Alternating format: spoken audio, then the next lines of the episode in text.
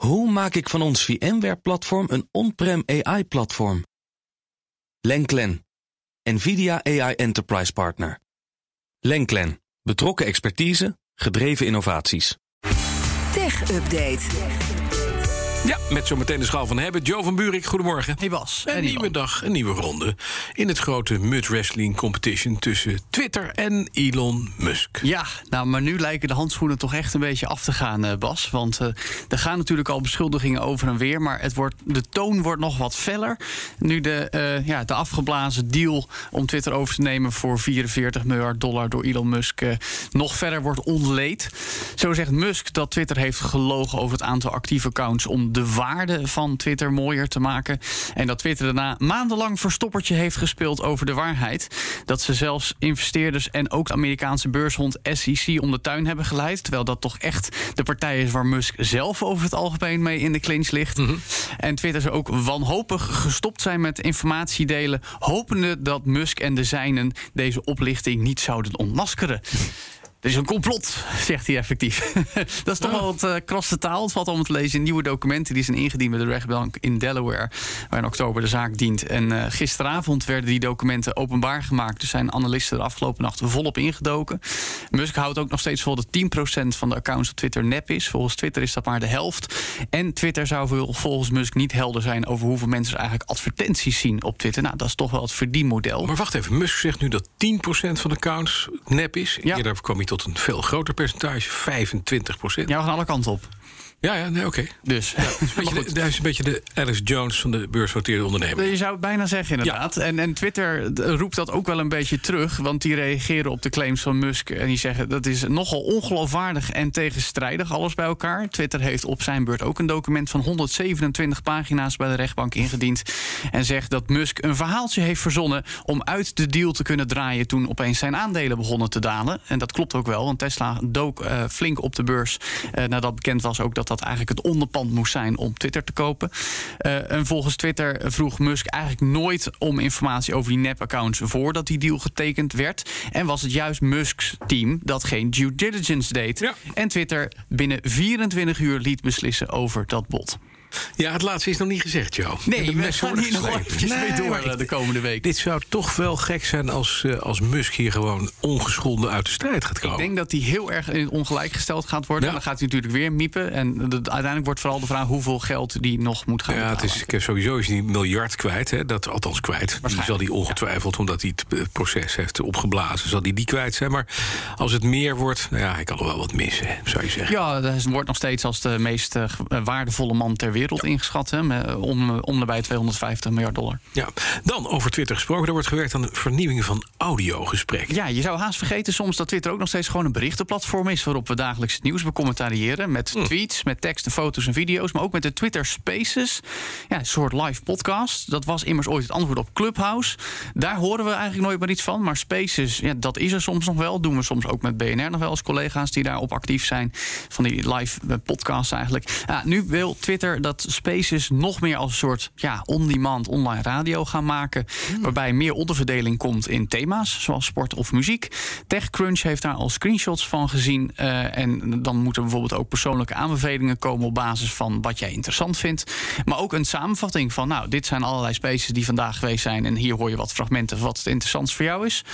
Twitter bevestigt ook dat het hieraan werkt. Uh, zegt nog niet wanneer dit uitgerold gaat worden. Maar het zou in ieder geval betekenen dat dat Spaces wat boeiender uh, moet gaan werken. Want ik heb ook soms wel eens, dan ben ik op Twitter aan het kijken... en opeens is iemand die ik volg zo'n space aan het houden, zo'n live podcast. Ja, dan val je er middenin en er de echt naar zoeken van, nou, wie heeft verder nog iets gedaan? Wat is er voor leuks gezegd? Dat, dat kan eigenlijk niet. Terwijl er soms best leuke gesprekken te volgen zijn. kunnen we ook de ochtendspits op Spaces gaan uitzenden. En kunnen luisteraars gaan terugpraten. Nee, dat Nee. moeten we niet willen. Nee, nee, nee, nee, je moet ze de beurt geven, hè? dat scheelt. Dus Oh, je dat kan zelf waar, ja. bepalen wie er wel... Gelukkig had Nee, hij zelf tot het inzicht. Er is, er is zo'n programma bij BNR, iets met een B volgens mij, dat Oh, doen we ja. het ook wel eens. Ja, het is een soort Spaces, maar dan heel ouderwets met, Ja. een, met een telefoonnummer. Precies. moet je bellen. Ja. Ja, dat blijft gewoon lekker. Je heeft het geprobeerd op Spaces, is niet gelukt. Het breekt, is van 11 uur af. En is er ook vandaag weer gewoon op lineaire radio. Kun je later terugluisteren op bnr.nl. Ook Zo. mooi. Veel beter. Dan nog even naar China en Frankrijk. Want Tencent wil effectief eigenaar worden van Dan zou je bijna denken van Frankrijk. Nee, van Ubisoft. Ubisoft inderdaad. Nou, techgigant Tencent wil de grootste aandeelhouder worden van het gamebedrijf dat we vooral kennen van games als Rayman en Assassin's Creed. Maar dat verkeert al even in zwaar weer, heeft wat flops gehad, heeft een enorme overhead met tienduizenden medewerkers, maar wordt nog steeds wel gevalueerd op 5,3 miljard dollar en is daarmee toch een van de ja, grotere uitgevers in de gamesindustrie. Ja, een Frans bedrijf. En Frans bedrijf, Ja, inderdaad. Dus ook heel belangrijk in dit verhaal. Eh, Tencent heeft al 5% van de aandelen in handen. Dat verkreeg het in 2018. Maar wil dat aandeel vergroten. Bijvoorbeeld door eh, het aandeel van de familie Guillemot. De oprichters van Ubisoft te kopen. Dat is nu zo'n 13,2%. De CEO, dat is ook Yves Guillemot. Eh, en die zei een tijdje geleden nog... Nou, Ubisoft staat best open voor een overname. Een paar jaar terug verzette die zich nog met hand en tand... tegen een vijandige overname door Vivendi. Die is toen afgeweerd, want die waren ook opeens aandelen aan het opkopen. En nu heeft Tencent 100 euro per aandeel geboden. En dat is meer dan het dubbele, ruim meer zelfs dan de 44 euro per aandeel... waarop uh, afgelopen maanden uh, gehandeld werd. En Tencent zou Ubisoft vooral willen hebben om minder last te hebben... van de beperkingen die China zelf oplegt aan de eigen ja, gameactiviteiten. Daar moeten onder meer licenties afgegeven worden... om überhaupt games op de markt te brengen en daarmee inkomsten te genereren. Nou, daar is China nogal terughoudend mee de afgelopen tijd. En ook tal van andere maatregelen van de afgelopen 12 maanden... waar de ja, partijen zoals Tencent veel last van hebben gehad. Dus wat je zei, Bas, als je dan een uh, Franse gigant inlijft... dan kun je daar je business ja, uh, verder ontplooien. Ja, de Chinezen doen dit om te zorgen dat er uh, kindertjes te veel op uh, games zitten te klooien. Nou, vooral om uiteindelijk geld te verdienen. Ja. Maar, oh. Nou ja, in China uh, wordt er wat scherper. Ja. Nee, wil je dat in, in, Nederland ook, in Europa ook was? Wil je ook voorkomen dat kindertjes uh, games kunnen spelen? Nou, als jij een goed gesprek met je zoon wil hebben... het is wel belangrijk om af en toe te zeggen... nee, wegleggen. Ja, dat gaan we nogal doen. Ja, gaan we dat doen? Is. Nou ja, tuurlijk. Met jij, maakt een, jij maakt een podcast over gaming. Ja, maar daar gaat het ook om verantwoord gamen. Is, oh, dat is het. Jij houdt toch ook af, af en toe van een biertje... maar dat betekent niet dat je gelijk 20 drinkt? Het gaat goed met de streamingsplatforms van RTL Group. Ja, nou, dat blijkt uit kwartaalcijfers van RTL Group. Want Videoland heeft in maart, april en mei van dit jaar... pardon, april, mei en juni van het jaar natuurlijk zeggen... 6,2% meer abonnees binnengehaald.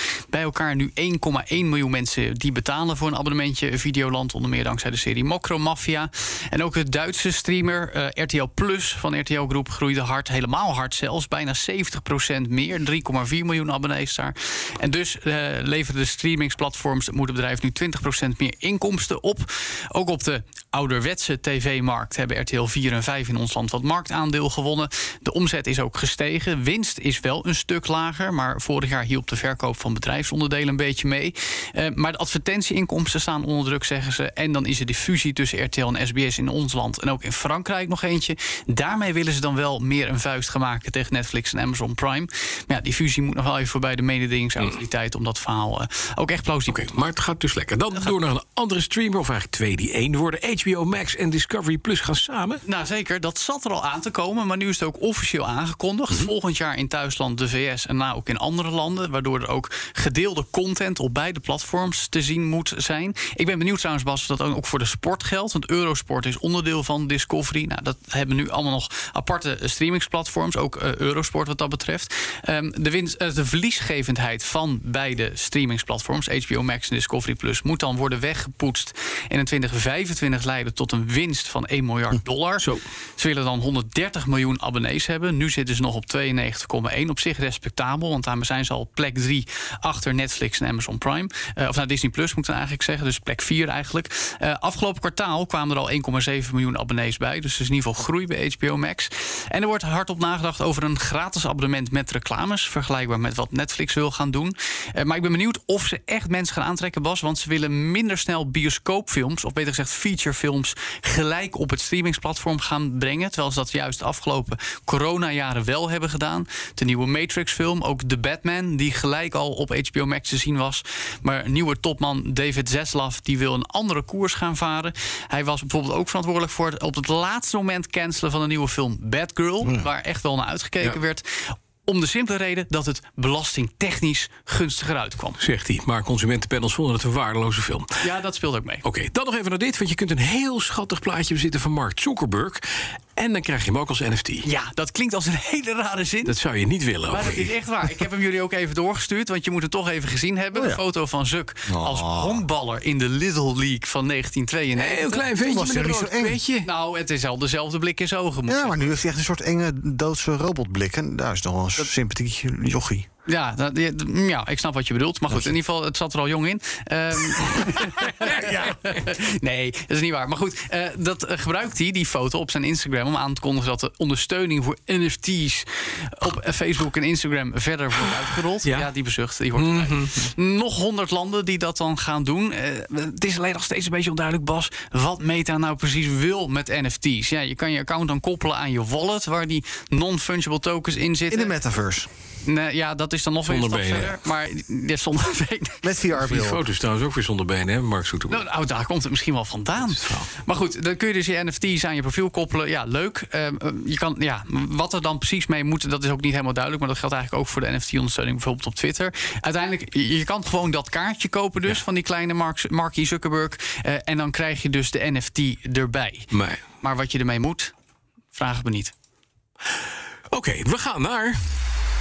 De schaal van hebben. Want daar hebben we wel dingen waar je wat mee moet. Zeker. Er staan hier drie torentjes in de studio. En daar staat overal Orbi op. Ja, Orbi. Zonder Urbi. Orbi en Urbi et Orbi. Urbi het Orbi. Ja, nee, de bit en werk. Maar dit is alleen maar Orbi, is alleen maar werk. Orbi, Orbi en Orbi. Ehm nou ja, eh, een internetrouter en zijn twee bijbehorende Oh. satellieten. Eh, de nieuwste generatie van Netgear, Orbi dus. Officieel de RBKE 69-serie. Wat gaaf, wat een lekkere naam. Wat Ja. bekt dat goed. De RBK 69. Hartstikke sexy. Hé, maar een internetrouter, hallo, heb ik al van Ziggo. Ja, en, en nu, wat doet dit? Eh, dit is een mesh-systeem.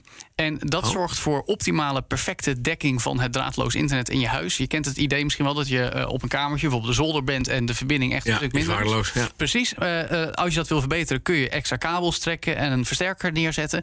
Maar je kan ook gewoon deze set kopen en dan de router op een centrale plek zetten. In principe is dat vaak toch je meterkast waar kabel of glasvezel binnenkomt. En die satellieten zet je dan op andere plekken in je huis. Mhm. Die hebben dan alleen maar stroom nodig en versterken het signaal eigenlijk zelf al. En bij elkaar zorgen omdat ze zo met elkaar praten, voor optimale dekking in je he- hele huis. Als je ze strategisch opstelt. Ja, nou heb ik dat soort spullen ook. Alleen dat zijn wat kleinere dingetjes. Mhm. En ehm, de grote vraag is, werkt het? Ik moet echt mijn best doen om het te laten werken. Ja, nou, ik heb het eh, geprobeerd eh, in mijn huis. Dat is dan een simpel rijtjeshuis, moet ik er wel bij zeggen. Mhm. Maar dan krijg ik echt hele goede dekking. Terwijl ik heb ook dat probleem op de zolder. Terwijl ik eh, op de eerste verdieping ook gewoon een versterker heb staan... voor het internet dat ik normaal heb. Eh, hier zitten in de router al 12 antennes verwerkt. Hallo. Waarmee het bereik volgens het persbericht... maximaal 600 vierkante meter zou moeten kunnen zijn. Nou, dat is een fors landhuis. Zo. Je hebt verschillende netwerken die je kan gebruiken. Je hebt de 2,4 gigahertz eh, frequentie. Eh, die is vooral om gewoon heel stabiel eh, met al je smart devices te verbinden in huis. 600 vierkante meter, is 20 bij 30. Dat is niks. Ehm, nee, maar eh, mm, de, sec in, in eh, gewoon het, het, de kern van je huis. Is Ja, best, best, best net, eh, net Netto op ruimte, zich. ja. Ja, Oh, net ruimte. Ja, nee, je moet En dan door muren heen. door alles. muren heen, door plafonds, et cetera. Dat, dat moet Maar je ik kan bij 50 meter naar buiten Ja. niet. Eh, nee, we- in jouw geval met een eh, dependance wordt het misschien wat lastiger. Mm. Dus, eh, maar goed, daar kun je dan weer een kabeltje naartoe leggen. Je hebt er ook nog de 5 gigahertz frequentie voor snelle streaming. Ja. En die is wel weer kwetsbaar voor verstoring. Dus er is ook nog een 6 gigahertz frequentie die je er ook bij kan gebruiken. En dan is ook nog de allernieuwste standaard op het gebied van wifi, 6E. Dat is helemaal supersnel wifi. Eén probleempje, er zijn nog relatief weinig apparaten die Die dat gebruiken. ondersteunen. Maar daar ben je wel komt. voorbereid. Maar dat komt, precies. Maar je kan dus in je huis, mits in het huis, Ja. Supersnel internet. Ja, 5 gigabit per seconde, theoretisch. Dat is echt Zo. extreem snel. Eh, maar je hebt altijd wat snelheidsverlies door gewoon ja, het feit dat je ze in je huis moet positioneren en wat afstanden hebt. Als je echt die optimale snelheid zou willen halen, moet je ze dan toch weer met kabels verbinden. Dus Ja. die moet je door je huis gaan trekken. Die kun je ook in die satellieten pluggen. In de praktijk werkt het gewoon goed. Het werkt altijd. Als je een film in 4K streamt, hapert die niet. Downloads gaan supersnel op elk apparaat overal in je huis. Heb ik getest. Ehm, en ja, dat is op zich wel lekker, omdat het dan toch draadloos is en vrij simpel in te stellen. Ook gewoon met een appje op je smartphone. Ja. Geen gepiel. Nou, drie plastic dozen met een beetje antennes erin. Klinkt mooi. Wat kost dat, dat setje? Nou, dat is eh, het nadeel, het grote nadeel, hele Oh. grote nadeel. Want doe eens een gok, Bas, wat dit moet kosten. Maar 375 euro. En niet eens in de buurt. 1699 Dat euro. meen je niet. Ja, en hij verbruikt ook nog redelijk wat energie. Dat merk je ook wel aan de warmte. Het is vooral handig als je echt heel graag heel snel internet wil... en een redelijk groot huis hebt en niet heel veel wil klussen. Dus eigenlijk de makkelijke oplossing voor heel veel geld. Mhm. Maar voor iets normalere mensen zijn er veel goedkopere oplossingen. Toch, het is zo snel en zo stabiel dat ik zeg... Wil ik hebben. Maar dan moet je wel flink de poeplap trekken. 1699 euro. Ja. En dan heeft het ook nog de mega lekkerbekkende naam RBKE 69 E Series Ja. van Netgear. Maar weet De je- Orbi. Weet jij de naam van je eh, televisie, van je beamer, van je, ja, van je auto wel... maar al de smart apparaten tegenwoordig hebben een Die hebben onuitspreekbare rotnamen. Ja, Ja, vreselijk. Moest- Ja. Daar moeten ze nou, daar moeten ze over denken. daar gaan we zo over nadenken. Ze gaan van een andere naam hebben. Jo van Buurik, dankjewel. De BNR Tech Update wordt mede mogelijk gemaakt door Lenklen. Lenklen. Betrokken expertise, gedreven resultaat. Hoe maak ik van ons VMware-platform een on-prem AI-platform? Lenklen. NVIDIA AI Enterprise Partner. Lenklen. Betrokken expertise, gedreven innovaties.